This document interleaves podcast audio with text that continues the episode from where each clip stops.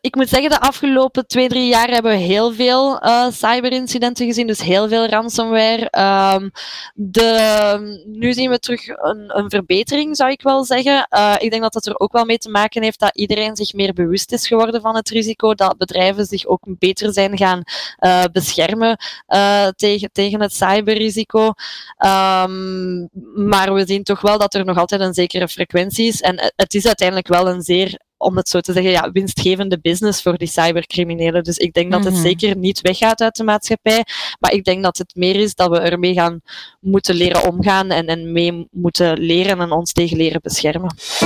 Hallo en welkom bij de NARIM Transform to Perform podcast. De plek waar we napraten over het NARIM-congres 2023 en de meest waardevolle inzichten delen voor de toekomst van de risico- en verzekeringsbranche. Het congres was een groot succes, vol inspirerende sprekers, netwerkgelegenheden en natuurlijk workshops.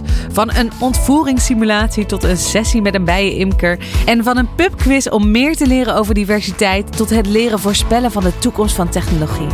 Helaas kon je ze onmogelijk allemaal bijwonen, maar goed nieuws, met deze podcast krijg je de meest waardevolle inzichten uit deze out-of-the-box oefeningen rechtstreeks in je oren.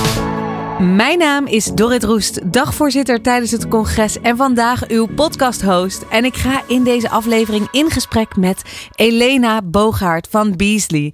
Welkom, goed dat je er bent, Elena. Ja, hallo, aangenaam.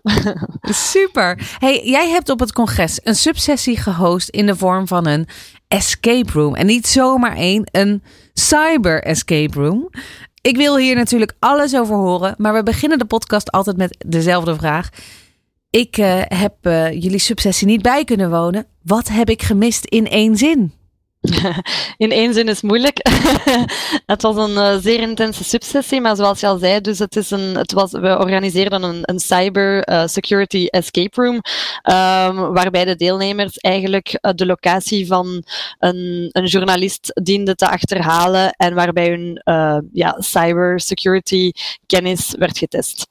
Wauw, oké. maar hoe ziet dat eruit? Zat iedereen achter een laptop? Was het echt een, eh, een, een fysieke escape room? Uh, kan je ons daarover daarin meenemen? Ja, ja. dus uh, de escape room zelf was eigenlijk in de vorm van een, een truck, dus een, een vrachtwagen. Uh, die stond uh, net buiten, dus op de parking van het event.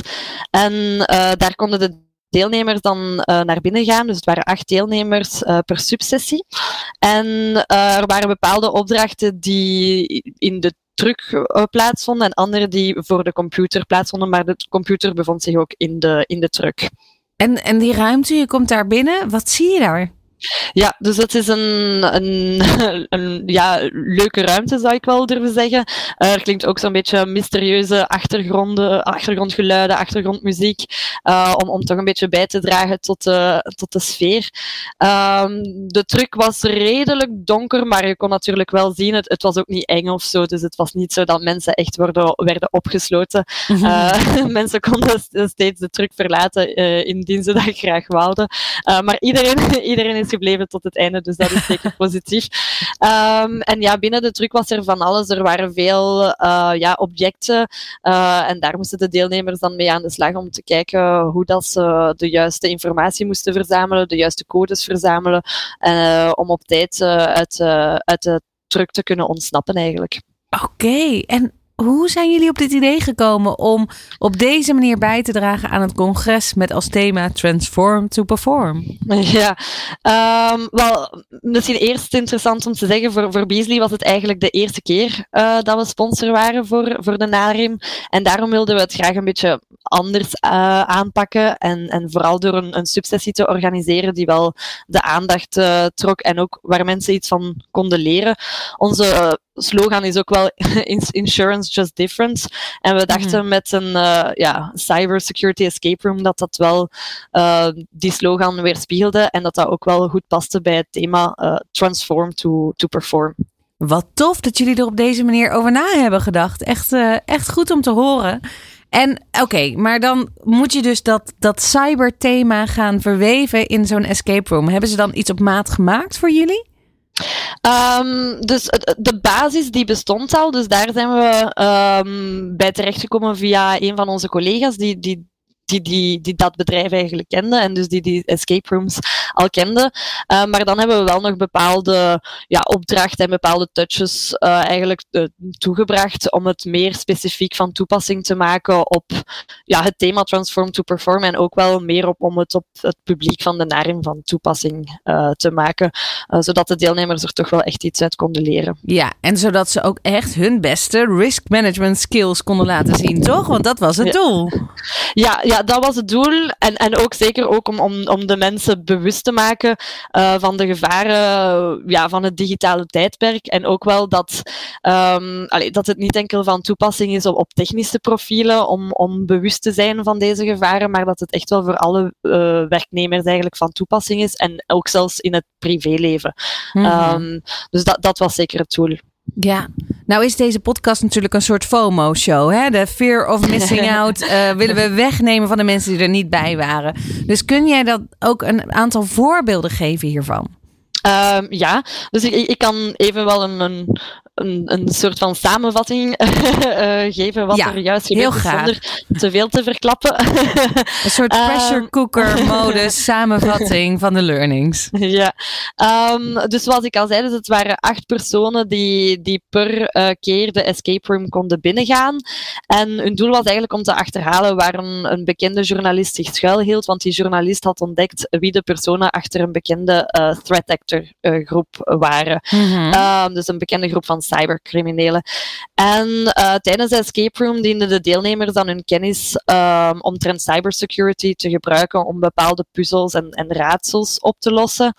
Um, en om op die manier informatie uh, te gaan gebruiken. Bijvoorbeeld, um, ja, ze, ze, ze kregen op een bepaald moment een USB-stick aangeleverd en, en een uh, lader van een, een mobiel, een, een, een gsm, mm -hmm. die ze dan konden gebruiken of niet konden gebruiken. Want ja, misschien was dat juist niet zo goed om die USB-stick uh, te gebruiken. Dus er zaten ook wel zekere valkuilen in waarvoor ze niet Want, vallen. wat is het gevaar? Wat, je, wel, wat is het risico? Ja, dus een USB-stick die je zomaar vindt, die kan natuurlijk van eender wie zijn en die kan door eender wie zijn achtergelaten. Dus als jij die zomaar in, in jouw computer um, steekt, ja, dan, dan kan dat natuurlijk een, een malware um, op jouw computer installeren en daardoor kan ja, kunnen de gevolgen dus wel redelijk uh, groot zijn. Aha. Hetzelfde eigenlijk met een oplader van een gsm.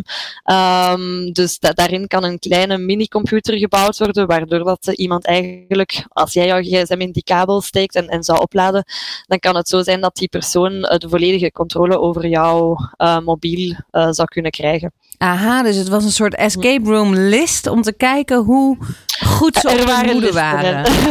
ja, ja, dus er waren listen in, maar ook wel, er waren ook wel andere uh, opdrachten waarbij dat ze dan uh, op het internet uh, moesten gaan zoeken naar bepaalde informatie, omdat we wilden ook de boodschap meegeven van zodra iets op het internet gepost is, blijft het eigenlijk altijd op het internet en kan je dat altijd uh, terugvinden. Oké, okay. en hoe was het gesteld met, uh, met het level van uh, cyber kennis van de risico- en verzekeringbranche? Ja, ik, ik denk wel redelijk goed. ik denk dat de laatste jaren um, er sowieso wel meer aandacht is voor, ja, voor cybersecurity. Um, de meeste hebben de meeste opdrachten goed volbracht. Hier en daar zijn er natuurlijk wel in, in de valkuilen getrapt. Um, maar dan is dat ook wel leuk om dan achteraf, want achteraf hebben we een debriefing gedaan en daar hebben we het gehad over de do's en de don'ts en, en ja, de gevaren eigenlijk. En, en um, dan is dat ook wel goed dat we die boodschap hebben kunnen meegeven, natuurlijk. Ja, heel waardevol. Want hoe kwam men uh, die bus uit? Helemaal verhit en uh, fanatiek of uh, hoe, hoe, hoe zagen ze eruit?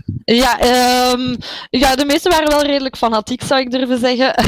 Mm. uh, de, ja, het is ook wel leuk voor hun natuurlijk als ze erin slagen om, om, om dan te kunnen ontsnappen uit de escape room. Bij één groepje was het net niet gelukt, dus het kwam echt op een paar seconden aan. Um, maar over het algemeen hebben ze het wel goed gedaan en ik denk dat de deelnemers wel, wel zeer positief waren. Ik denk ook dat het wel een leuke afwisseling was in, in combinatie met het netwerk en de plenaire sessies die, die eerder er die dag gegeven werden. Het interactieve aspect werd denk ik ook wel op prijs gesteld. Uh, alleen voor bepaalde opdrachten dienden de deelnemers ook samen te werken. Er was bijvoorbeeld een uitdaging waarbij ze door een soort van digitaal doolhof, um, een beetje vergelijkbaar met de Matrix, um, mm moesten gaan. En daarvoor had je minstens drie personen nodig die dienden samen te werken. Uh, voor een andere proef was er een goede kennis van Twitter nodig. Dus allee, op die manier was het wel belangrijk dat de deelnemers elkaar En, en ik denk dat het ook wel leuk was voor de deelnemers, want zij kenden elkaar natuurlijk niet, om elkaar op die manier um, beter te leren kennen. Ja, oké. En dus er werd, uh, je deed individueel mee, je kon individueel winnen, maar je moest ook samenwerken met elkaar, als ik het goed begrijp. Um, het was eigenlijk vooral samenwerken, ja. ja. Waar ik heel erg benieuwd naar ben, is wat nou uiteindelijk de impact is geweest op de mensen die hebben meegedaan. Zij zijn nu weer aan het werk gegaan. Het is Tweede Pinksterdag geweest, dus dinsdag zijn ze weer aan het werk gegaan. wat hoop je dat ze vandaag doen omdat ze mee hebben gedaan aan jullie sessie? Ja, ik, hoop gewoon dat het in, in hun dagelijkse leven een, een, meer bewust heeft gemaakt. Ook bijvoorbeeld bij het posten van, van bepaalde, al was het maar gewoon een, een tweet of iets op Instagram, dat dat echt wel een impact kan hebben. En zelfs als je die achteraf verwijdert, dat die altijd terug kan gevonden worden. Mm Ook als je, ja, zoals ik al eerder zei, uh, een USB-stick uh, ergens vindt of, of een, een, een lader, uh, dat je die niet zomaar gaat gebruiken. Ook als je een phishing, allee, als je een link krijgt via e-mail of via een, een sms-berichtje, dat je daar niet zomaar op, op gaat klikken. Um, dus ik denk dat dat wel, wel goed was om, om dat nog eens extra te benadrukken. Dat in, in principe dat je eigenlijk op digitaal vlak heel uh, ja, paranoia moet zijn. Ja, om, het zo te, om het zo te zeggen. Hey, en kan je nog eens even concreet maken? Want oké, we weten wat de risico's zijn. Dus een uh, USB-stick of een, uh, een oplader. Dat kan van alles gestolen worden. Maar wat is dan die worst case scenario? Identiteitsfraude? Ja, dat hangt er een beetje vanaf in, in welke context dat dan natuurlijk uh, gebeurt. Bijvoorbeeld, um, ja, wij doen veel cyberverzekeringen en daar, daarbij verzekeren wij uh, grote en ook kleine organisaties. Uh, daar zien wij bijvoorbeeld dat ransomware toch nog altijd een van de, de, meest, de meest grote dreigingen is. Dus dat betekent eigenlijk dat, dat een, een, een buitenstaander, dus een cybercrimineel, in, in, het IT, in de IT-infrastructuur gaat binnenkomen en uh, daar eigenlijk alles gaat blokkeren zodat een bedrijf niet meer uh, kan functioneren. Dus dat die bijvoorbeeld een, dat een, een productiebedrijf niet meer kan produceren, mm -hmm. dan kunnen zij ook niets meer verkopen. En dan kunnen zij eigenlijk gaan vragen om een, om een ransom te betalen in ruil om alles terug ja. op te starten. Ja. Hoe, vaak um, komt dat nou, we... hoe vaak komt dat nou voor?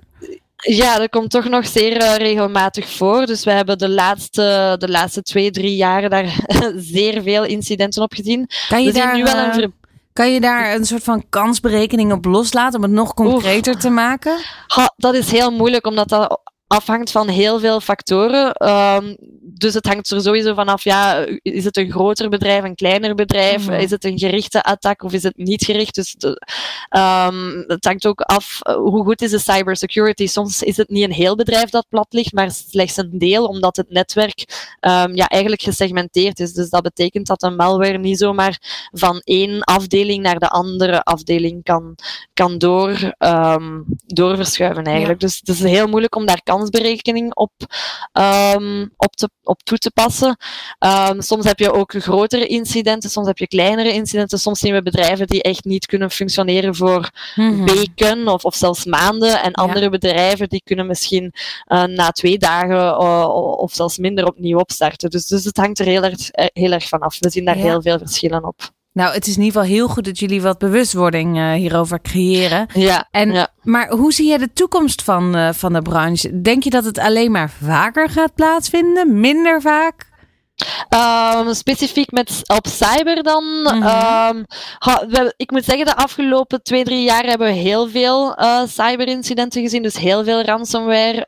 Um, de, nu zien we terug een, een, verbetering, zou ik wel zeggen. Uh, ik denk dat dat er ook wel mee te maken heeft dat iedereen zich meer bewust is geworden van het risico. Dat bedrijven zich ook beter zijn gaan uh, beschermen tegen, tegen het cyberrisico. maar we zien toch wel dat er nog altijd een zekere frequenties. En het is uiteindelijk wel een zeer om het zo te zeggen, ja, winstgevende business voor die cybercriminelen. Dus ik denk dat het Mhm. zeker niet weggaat uit de maatschappij. Maar ik denk dat het meer is dat we ermee gaan moeten leren omgaan en, en mee moeten leren en ons tegen leren beschermen. Ja, precies.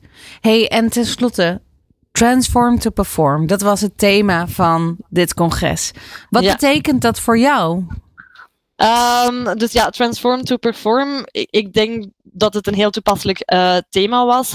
Ehm, zeker ja, in de verzekeringsbranche denk ik dat we daar nog wel veel uit kunnen leren. Ik denk dat het een branche is die, die historisch gezien altijd meer, om het zo te zeggen, ja, behoudend geweest is. Altijd redelijk conservatief. We doen nog zeer veel, vind ik persoonlijk, met, met pen en papier eigenlijk. Uh, dus ik denk dat er zeker in, in, in onze branche wel, wel ruimte is om, om ja, meer te gaan moderniseren, automatiseren, uh, zelfs innoveren.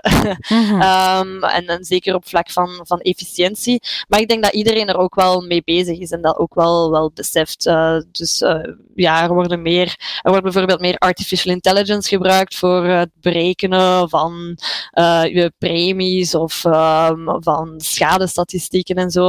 Um, er worden ook platformen gebruikt voor automatische quotes te genereren. Ik denk dat er zelfs bepaalde claims volledig automatisch afgehandeld kunnen worden.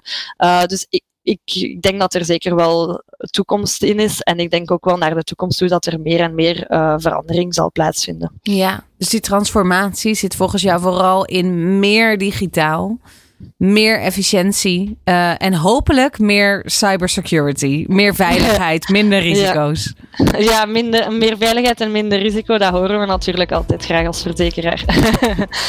Daar gaan we natuurlijk voor. Elena, mag ik jou ontzettend bedanken voor uh, jouw deelname aan deze podcast, voor jullie mooie sessie, de Escape Room tijdens het NARIM-congres. Ten slotte wil ik de luisteraars nog even zeggen dat er vier andere mooie podcasts te vinden zijn op de eventwebsite narimcongres2023.nl. Allemaal met het oog op Transform to Perform in de wereld van de risico- en verzekeringsbranche. Ga ze lekker luisteren zou ik zeggen. En voor nu, bedankt voor het luisteren. Dag!